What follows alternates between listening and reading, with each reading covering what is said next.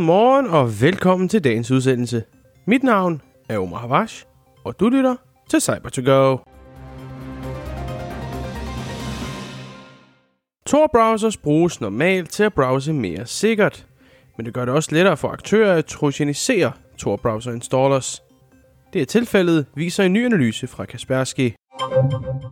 Googles Threat Analysis Group har fundet zero days for både iOS, Android og Chrome igennem exploit chains.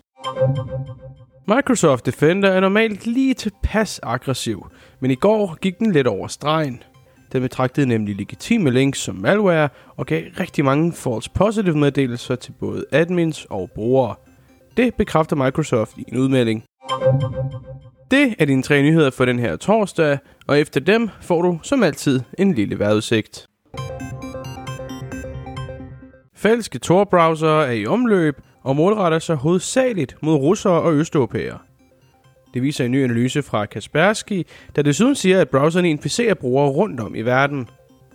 Det er en såkaldt trojaniseret browser, altså har den browserfunktionaliteten, men i baggrunden kører der faktisk malware. I det her tilfælde er det malware, der læser brugerens udklipsholder for at stjæle kryptovaluta.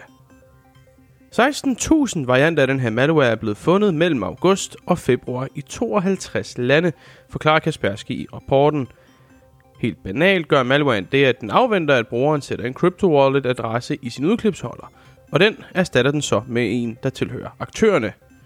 Og da kryptovalutaadresser er lange og ikke særlig læsbare, lægger brugeren ikke nødvendigvis mærke til det – Aktørerne har faktisk stjålet omkring 400.000 amerikanske dollars, og det er altså ud over Monero-valuta, der altså ikke kan trackes.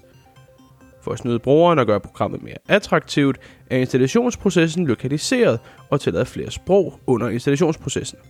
Når brugeren så installerer browseren, installeres malware, der autostarter hver gang computeren tænder i baggrunden.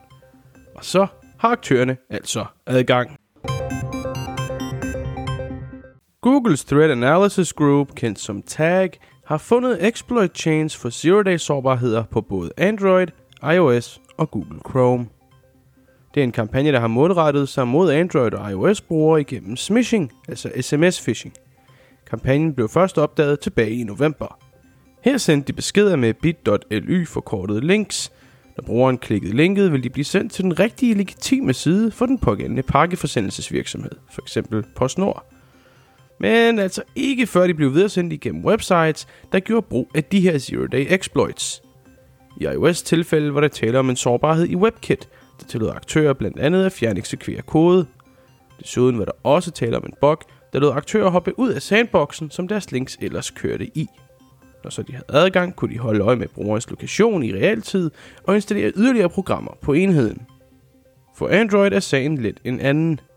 Her var der nemlig tale om problemer med ARM-GPU'er, hvor aktørerne kunne hoppe helt over GPU-sandboxen for Chrome og faktisk ende med at eskalere privilegier på enheden.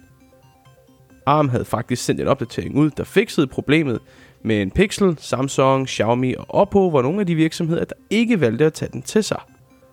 Og netop derfor kunne aktører gøre brug af den i månedsvis. Sådan lyder det altså fra Clement Lesigne fra Google Tag. Microsoft Defender er lidt for aggressiv nogle gange. Det kan brugere sige efter i går, hvor den i timevis for Microsoft 365-brugere betragtede mange legitime links som ondskabsfulde. Desuden fungerer nogle af alarmerne fra Defender heller ikke helt som hensigten. Det har medført et influx af rapporter fra Defender til admins om, at deres brugere besøger ondsindede websites, når de egentlig besøger helt legitime, virusfrie websites. Microsoft har siden bekræftet, at fejlen findes, men fortæller, at brugere altså stadig kan tilgå de links, på trods af alarmerne. Det har siden vist sig, at fejlen ifølge Microsoft lå i Safe Links-featuren. Den har nemlig for nylig fået nye tilføjelser, der har medført, at den bliver lidt for aggressiv i sin flagning. De ændringer har Microsoft altså nu trukket i land igen for at løse problemet. Ifølge tech bør problemet være løst, men sker der mere nyt i sagen, så hører I selvfølgelig om det her på cyber to go der er egentlig ikke særlig meget at sige omkring vejret i dag, andet end regn. Regn, regn og mere regn. Sådan kommer dagen til at se ud i dag i stort set hele landet, og er der ikke regn der, hvor du er, så vil der i hvert fald være skyet. Hen mod aftentimerne vil der ikke nogen steder være kraftig vind, Men regnen fortsætter altså i de fleste egne til langt ude på aftenen. Temperaturer er lidt barmhjertige, mellem 4 og 10 grader hen over dagen. Her hos Level 7 vil vi gerne gøre Danmark mere sikkert dag for dag, og vi vil rigtig gerne give tilbage til samfundet i form af hjælp og viden om cybersikkerhed. Så hvis du er en uddannelsesinstitution eller en mindre virksomhed, er vi bestemt interesseret i et samarbejde. Du kan læse mere om os og kontakte os på www.lvl7.dk. Mange gange tak for, at du lyttede med til den her torsdags udsendelse. Mit navn er Omar Vash, og jeg ønsker dig en dejlig torsdag.